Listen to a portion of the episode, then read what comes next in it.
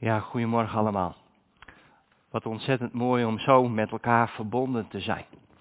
En uh, ja, eigenlijk ook ja, te, te zien hoe we samen aanbidden en te zien hoe we samen bidden. En we mogen weten op grond van het woord van God dat God onze gebeden hoort en verhoort. En ik bid dat alle gebeden die op, ja zo net in stilte, of misschien hardop in uw woonkamer gegeven zijn, uitgesproken zijn, dat God die verhoort. En wat zou ik graag op dit moment in hier in een volle zaal bij u zijn? Wat zou ik als het ware graag bij u in de woonkamer willen zitten? Maar we mogen weten op grond van het woord van God dat God overal altijd dichtbij is. En dat in welke situatie u op dit moment zit, dat God bij u aanwezig is. En in de Heilige Geest zijn wij verbonden met elkaar.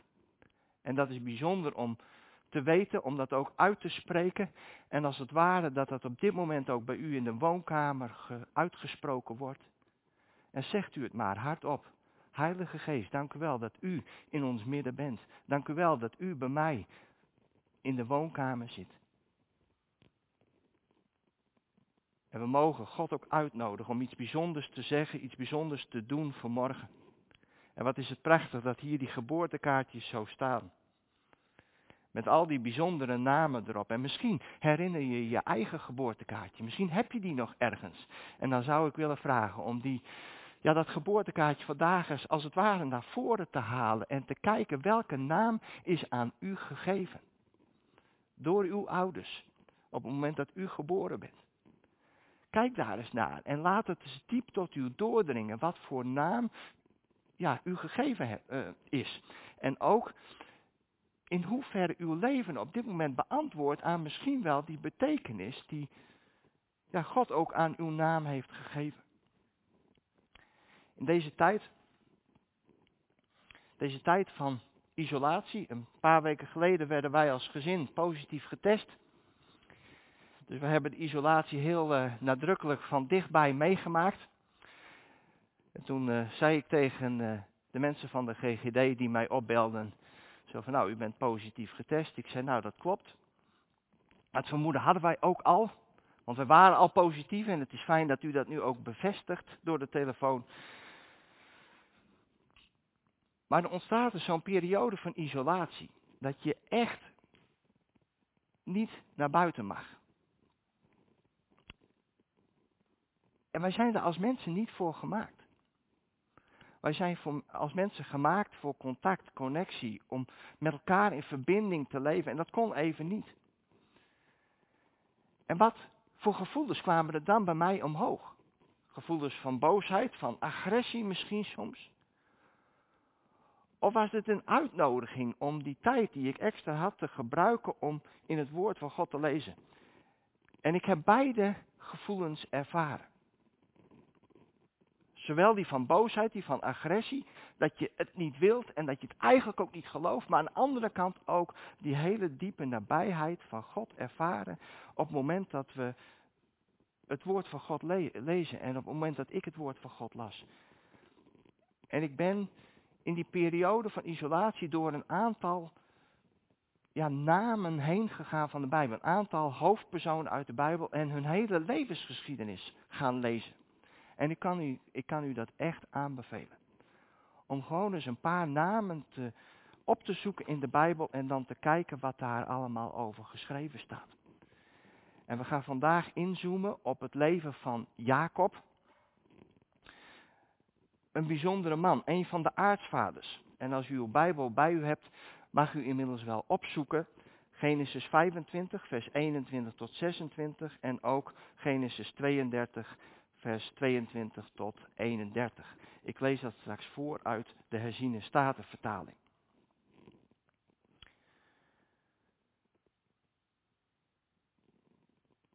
Hoe kun je goed eindigen in een tijd als deze? Ik kom in de Bijbel een aantal teksten tegen, bijvoorbeeld in 2 Timotheus 4, vers 7, waar Paulus schrijft, ik heb de goede strijd gestreden, ik heb mijn loop ten einde gebracht. Dat schrijft de apostel Paulus aan het eind van zijn leven. Op het moment dat hij ja, zijn sterven aanstaande is, schrijft hij dit aan Timotheus. En in Hebreeën 13, vers 7 staat iets over leiding geven in de gemeente. En dan worden wij opgeroepen als gemeenteleden om op te letten op het einde van hun wandel. Om op het einde van de wandel te letten van mensen die jou zijn voorgegaan. En dan staat er zo prachtig en volgt hun geloof na. En in Lucas 6, vers 44 zegt Jezus, elke boom herken je aan de vruchten. En het viel me zo op toen wij als gezin in isolatie zaten, dat als het ware die vragen telkens opnieuw naar mij toe kwamen. Welke vruchten herken je? Ben jij het waard, Martijn, om jouw geloof na te volgen? En ik merkte dat in tijden van crisis wij als mensen vaak terugvallen op onze basisovertuigingen. En dan merk ik bij mezelf sommige pareltjes, maar ook een donkere kant. Een kant waar ik nog aan mag werken. En ik merk zo dat we kunnen kiezen hoe we daarmee omgaan. Hoe we de issues in ons leven kunnen aanpakken. En welke vruchten herken jij in je leven? Zijn in de lijdenstijd? En het is goed om eens even naar jezelf te kijken. Welke vruchten herken je? Zijn ze lekker? Of zijn ze misschien een beetje zuur? Hoe wil jij zijn? Hoe richt jij je eigen leven in met je persoonlijk einddoel voor ogen? Zijn de keuzes die jij vandaag maakt in lijn met wie je wil zijn? En vooraf wil ik je zeggen dat de hemel, dat de God van de hemel, Jezus Christus en de Heilige Geest jou volledig vrij heeft gezet om te kiezen. Genade, goedheid, vrijheid zijn beschikbaar voor jou in je situatie waar je op dit moment zit. En ik vertelde al dat ik door een aantal, ja, een aantal personen uit de Bijbel naar voren heb gehaald. En vandaag willen we kijken naar het leven van Jacob. De derde van de drie aartsvaders. Abraham, Isaac en Jacob. Jullie kennen dat. En we lezen dan het begin van het leven van Jacob in Genesis hoofdstuk 25. Daar waar wij toen, waar wij geboortekaartjes schrijven, deden ze dat toen iets anders. En daar lezen we van. Genesis hoofdstuk 25 vanaf vers 21. Isaac bad vurig tot de Heer in het bijzijn van zijn vrouw, want zij was onvruchtbaar. En de Heere liet zich door hem verbidden, zodat Rebecca, zijn vrouw, zwanger werd. De kinderen stoten in haar lichaam tegen elkaar. Toen zei zij, als dit zo is, waarom overkomt mij dit? als je die vraag hebt, moet je kijken wat zij dan doet. En zij ging de Heere raadplegen. Volgens mij is dat het beste wat je kunt doen als je een vraag hebt. En de Heere zei toen tegen haar, er zijn twee volken in uw schoot. En twee naties zullen zich uit uw lichaam van een scheiden. Het ene volk zal sterker zijn dan het andere. En de meerdere zal de mindere dienen. Toen het nu de tijd was om te baren, voor haar was aangebroken, zie, er was een tweeling in haar schoot. De eerste kwam tevoorschijn, rossig en helemaal behaard, als een haren mantel. Daarom gaf men hem de naam Esau. Daarna kwam zijn broer tevoorschijn, terwijl zijn hand de hiel van Esau vasthield. En daarom gaf men hem de naam Jacob. Isaac was 60 jaar oud bij hun geboorte. Tot zover.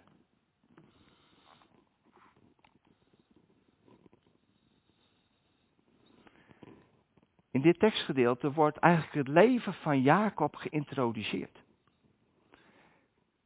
Er wordt zichtbaar hoe zijn geboorte ging. Niet van elke geloofsheld in de Bijbel staat de geboorte beschreven, maar van Jacob wel. En hier worden twee thema's geïntroduceerd. Namelijk de belofte die God aan Jacob heeft gegeven, die hij aan Isaac en Rebekka heeft gegeven en zo doorgegeven heeft aan Jacob. En ook de naam Jacob wordt gegeven. En hier staat letterlijk genoemd waarom Jacob de naam, ja, waarom hij de naam kreeg die hij kreeg. Hij hield namelijk de hiel van zijn broer Esau vast. En Jacob betekent dus ook letterlijk vasthouden. En wat heeft de betekenis van die naam voor Jacob betekend in zijn leven? Dat hij vasthoudt. Dat kan heel positief, dat kan heel negatief. Maar we zien vervolgens in het tweede tekstgedeelte, wat we straks gaan lezen, dat Jacob een andere naam krijgt. Namelijk de naam Israël. En Israël betekent God strijdt. En zo zie je eigenlijk het thema in het leven van Jacob geïntroduceerd worden in dit tekstgedeelte. Want het begint met vasthouden. Vasthouden aan zichzelf. Vasthouden aan zijn oudere broer. Maar uiteindelijk zal Jacob moeten leren dat God strijdt. En het is bijzonder om door de hele levensgeschiedenis van Jacob te lezen, om te zien hoe hij dat ontdekt heeft. En misschien is dat ook wel een thema van ons. Als we verder doorbladeren door Genesis 25 tot en met hoofdstuk 32, dan zien we dat Jacob eigenlijk in alles gericht is op de belofte van God. Hij is rechtschapen. Esau is het tegenovergestelde en dat blijkt ook wel uit die profetie. Want de Heere zei immers tegen Rebekka, er zijn twee volken in uw schoot en twee naties zullen zich uit uw lichaam van één scheiden. Het ene volk zal sterker zijn dan het andere en de meerdere zal de mindere dienen. Esau is gericht op zichzelf. Terwijl hij goede voorouders had. Reken maar dat Isaac en Rebecca hem het verhaal van Abraham en Lot hebben verteld. Van opa Abraham. Maar dan lezen we bijvoorbeeld in Genesis 26, vers 35, dat Esau gericht is op zichzelf. We lezen daar dat de vrouwen die Esau kiest, een voortdurende bron van ergernis zijn voor Isaac en Rebecca. Esau veracht door de keuze voor deze vrouwen de belofte van God. Terwijl hij de verhalen kende van opa Abraham en neef Lot. Maar we zien ook een patroon in die volgende hoofdstukken bij Jacob. Je ziet namelijk bij hem dat hij vasthoudt aan zichzelf. Hij houdt vast aan zichzelf in plaats van aan de belofte. Telkens opnieuw wil hij God een handje helpen. Als Esau op een gegeven moment terugkomt van die tocht door het veld en hartstikke veel zin in eten heeft en Jacob in die pot met linzensoep ziet roeren, geef mij van dat rode, dat rode daar. Je kent het verhaal misschien. En dan zegt Jacob, ja, je mag hier wel van eten, maar dan wil ik jou eerst geboorterecht. En Esau, verblind door de honger, zegt, ja, hier heb je het eerst geboorterecht, geef mij nu van dat eten. Maar de vraag is, waarom doet Jacob zo? Zou zijn actie effect hebben op de belofte van God? Zou God het hem niet sowieso hebben gegeven? Op grond van de belofte die zijn moeder heeft gekregen? En we zien dat dat nog verder gaat. Op het moment dat Isaac zwakker wordt, het einde van zijn leven ziet naderen, dan zegt hij tegen zijn eerstgeborene, tegen Esau, ga erop uit. Ga iets lekkers voor mij klaarmaken. Ga iets zieten. En breng het en maak het klaar, dan zal ik jou de zegen geven. En Rebecca hoort dat. En ze gaan God een handje helpen. En je kent misschien dat verhaal van dat er een, een bokje geslacht wordt en dat Jacob verkleed als Esau de zegen van zijn vader krijgt. Jacob houdt vast aan zichzelf en heeft het idee dat hij God een handje moet helpen. En misschien herken je dit.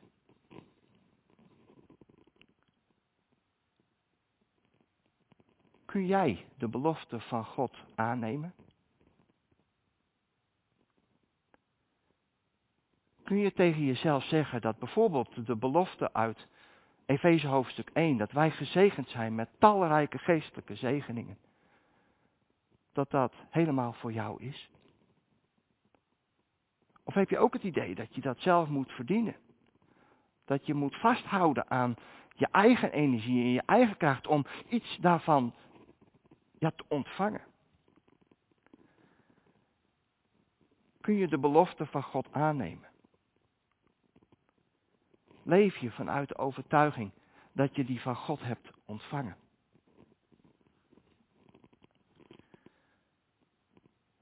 Nadat Jacob de zegen van zijn vader had gekregen. Door dat list en bedrog moet hij vluchten. Want Esau is woedend. Woedend op zijn broer en hij zegt, ik ga hem vermoorden. En Jacob moet vluchten. Hij vlucht naar zijn bedrog.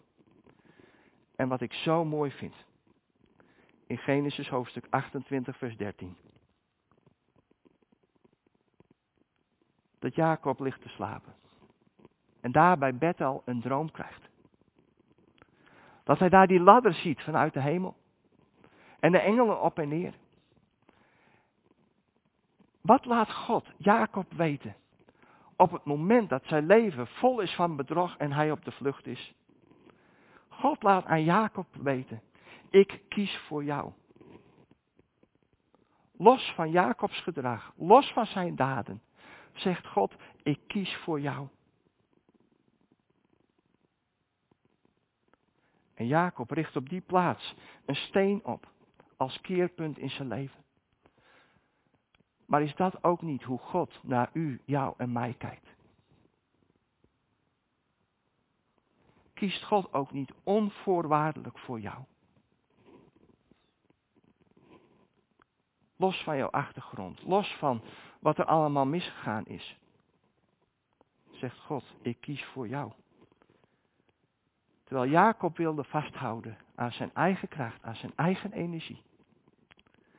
Het idee had dat hij Gods belofte moest helpen te vervullen. En hij op de vlucht moet voor zijn broer. Zegt God, ik kies voor jou. En wat een bemoediging, ook vanmorgen voor jullie. Die op dit moment kijken. En ik geloof dat de Heilige Geest ook werkt in jullie huiskamers. En ik geloof dat de Heilige Geest op dit moment ook tegen jou zegt, ik kies voor jou. Jij bent de parel in Gods hand. En ik zie talloze mogelijkheden, los van hoe je je voelt, los van wat je allemaal gedaan hebt. Ik kies voor jou. En dan gaat het verder. Dan komt Jacob bij zijn oom Laban en werkt daar voor zijn vrouwen. Eerst Lea, dan Rachel en dan zijn kuddes. Twintig jaar moet hij werken om dat bezit te krijgen. Dat is een compleet andere tijd als waar wij nu in leven. Maar ik vroeg me wel af, zouden deze twintig jaar nodig geweest zijn in het leven van Jacob? Als hij eerder had geleerd, als hij eerder stappen had gezet, was het dan nodig geweest? En ik stelde die vraag ook zo aan mezelf. Want ik worstel ook met sommige dingen al jaren. Misschien ook wel twintig jaar. Twintig jaar strijd. Twintig jaar dat ik tegen nou, dezelfde dingen in mijn leven aanloop. Terwijl ik weet hoe God wil dat ik leef. En wat houdt mij tegen om zo te leven zoals God dat bedacht heeft? En wat houdt jou misschien tegen in die worsteling waar jij al twintig jaar in zit?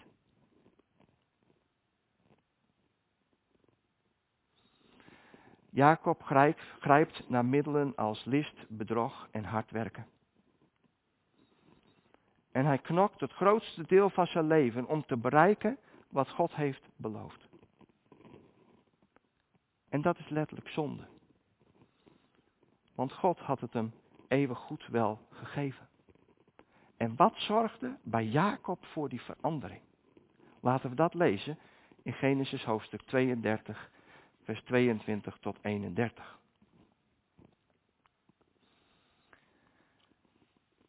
Na die twintig jaar werken bij oom Laban gaat Jacob terug. Gaat hij terug naar het land wat God hem beloofd had. Gaat hij terug naar zijn broer Esau. En als ze bij de grensrivier staan, dan vindt het volgende plaats in Genesis hoofdstuk 32 vanaf vers 22. Diezelfde nacht stond hij op, Jacob. Nam zijn twee vrouwen, zijn twee slavinnen en zijn elf kinderen. En stak de doorwaardbare plaats van de Jabok over. En hij nam hen mee en liet hen de beek oversteken. Alles wat hij had, liet hij oversteken. Maar Jacob bleef alleen achter. En een man met een hoofdletter worstelde met hem.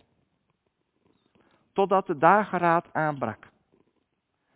En toen de man zag dat hij hem niet kon overwinnen, raakte hij zijn heupgewricht aan. Zodat het heupgewricht van Jacob ontwricht raakte toen hij met hem worstelde. Toen zei hij, laat mij gaan, want de dageraad is aangebroken. Maar hij, Jacob, zei, ik zal u niet laten gaan, tenzij u mij zegent. En hij zei tegen hem, wat is uw naam? En hij antwoordde, Jacob. Toen zei hij, uw naam zal voortaan niet meer Jacob luiden, maar Israël. Want u hebt met God en met mensen gestreden en hebt overwonnen. Jacob vroeg daarop, vertel mij toch uw naam. En hij zei, waarom vraagt u mij naar mijn naam? En hij zegende hem daar. En Jacob gaf die plaats de naam Pniel. Want, zei hij, ik heb God gezien van aangezicht tot aangezicht en mijn leven is gered. En de zon ging over hem op toen hij door Pniel gegaan was. Hij ging echter mank aan zijn heup. Twee dingen over dit tekstgedeelte. Hier is nog heel veel meer over te zeggen. Maar kijk eens goed wat er in vers 23 staat. Alles wat Jacob had, liet hij oversteken. Als 80-jarige blijft hij alleen over aan de ene kant van de grensrivier. Hij weet dat hij alleen Esau onder ogen moet komen. Alle anderen hebben daar niks mee te maken. Het ging tussen hem en Esau. Hij moest dat alleen doen. Daar komt hij tot de kern. Ondanks al zijn bezittingen moet hij dit alleen doen. En alles wat hij had, laat hij achter. En welke les zit daarin voor ons, zit daarin voor jou? Wat moet jij achterlaten? Om de strijd te strijden, om de overwinning te halen.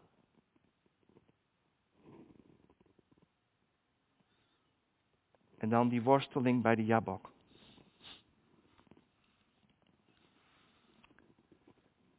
Het is boeiend om te zien wie hier uiteindelijk wint. Het lijkt erop dat de tekst zegt dat Jacob wint. Maar als je ziet wat er gebeurt, je wordt no op een gegeven moment vraagt Jacob aan God om hem te zegenen. En zegenen gebeurt nooit door een mindere, altijd door een meerdere. Dus als Jacob hier vraagt aan God om hem te zegenen, geeft hij eigenlijk zijn verlies, zijn, zijn ondergang geeft hij daartoe. Uiteindelijk ziet Jacob dat hij niet kan winnen. En God ziet ook dat hij niet kan winnen. Vanwege de eigen wil van Jacob. Op het moment dat Jacob vast blijft houden aan zijn eigen wil, aan zijn eigen kracht, gaat God dat niet doorbreken. Dus wat hier in de kern gebeurt in dit tekstgedeelte, als Jacob helemaal alleen die strijd voert, is dat hij tot zijn moment van overgave komt. Dat hij zegt, ik heb mijn hele leven, want hij is hier 80. Mijn hele leven heb ik vastgehouden aan mijn eigen kracht, aan mijn eigen energie, heb ik vastgehouden aan list en bedrog. En ik heb alles nu naar de andere kant van de rivier gebracht. Ik strijd hier mijn strijd alleen. En ik laat die strijd los.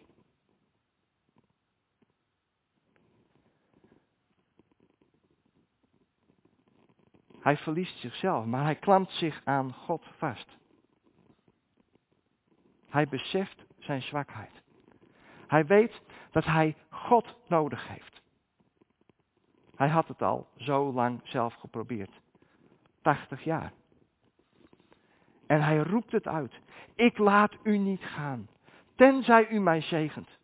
Jacob geeft zichzelf hier over. Hij laat de controle die hij 80 jaar heeft vastgehouden, laat hij los. En op dit moment heeft God 40 jaar gewacht. Jacobs wandel is vanaf dan anders. Hij loopt mank. Figuurlijk wandelt hij vanaf dat moment in afhankelijkheid van God. Dan wordt het licht. En dan krijgt hij die nieuwe naam. Hij heet niet meer Jacob, vasthouden. Maar hij krijgt van God de naam Israël. Namelijk God strijdt. En wat is dat bijzonder om te lezen, om door die geschiedenis van het leven van Jacob te kijken en ook te kijken van wat betekent dat voor mij? Wat betekent dat voor jou? Wat betekent dat voor u? Waar hou jij misschien al 40 jaar aan vast? En is vandaag dan niet het moment om net als Jacob los te laten? Om alles achter te laten aan de ene kant van de rivier. En jezelf over te geven aan God zelf. Wat ik zo prachtig vind, is dat Jacob hier een nieuwe naam krijgt. Maar terwijl ik daarmee bezig was, dacht ik bij mezelf, staat er niet meer over een nieuwe naam? Ik herinner me dat ergens in openbaring het ook staat. Dat wij als volgelingen van Jezus een nieuwe naam krijgen. En ik bladerde, bladeren en toen vond ik het in openbaring 2 vers 17. Een van de brieven. Wie oren heeft, laat hij horen wat de geest tegen de gemeente zegt. En aan wie overwint, zal ik van het verborgen manna te eten geven. En ik zal hem een witte steen geven, met op die steen een nieuwe naam geschreven, die niemand kent dan wie hem ontvangt. Wat bijzonder.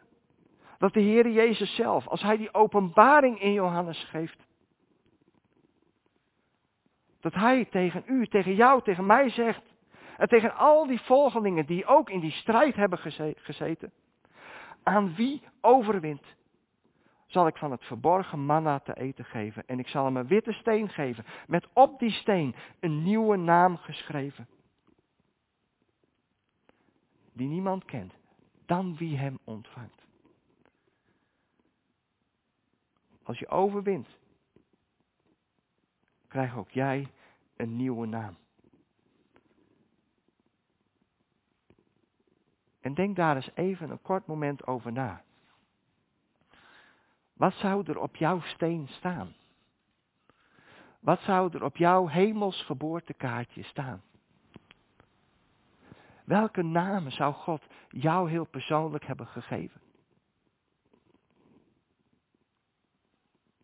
En wij hebben, net als Jacob, onze strijd.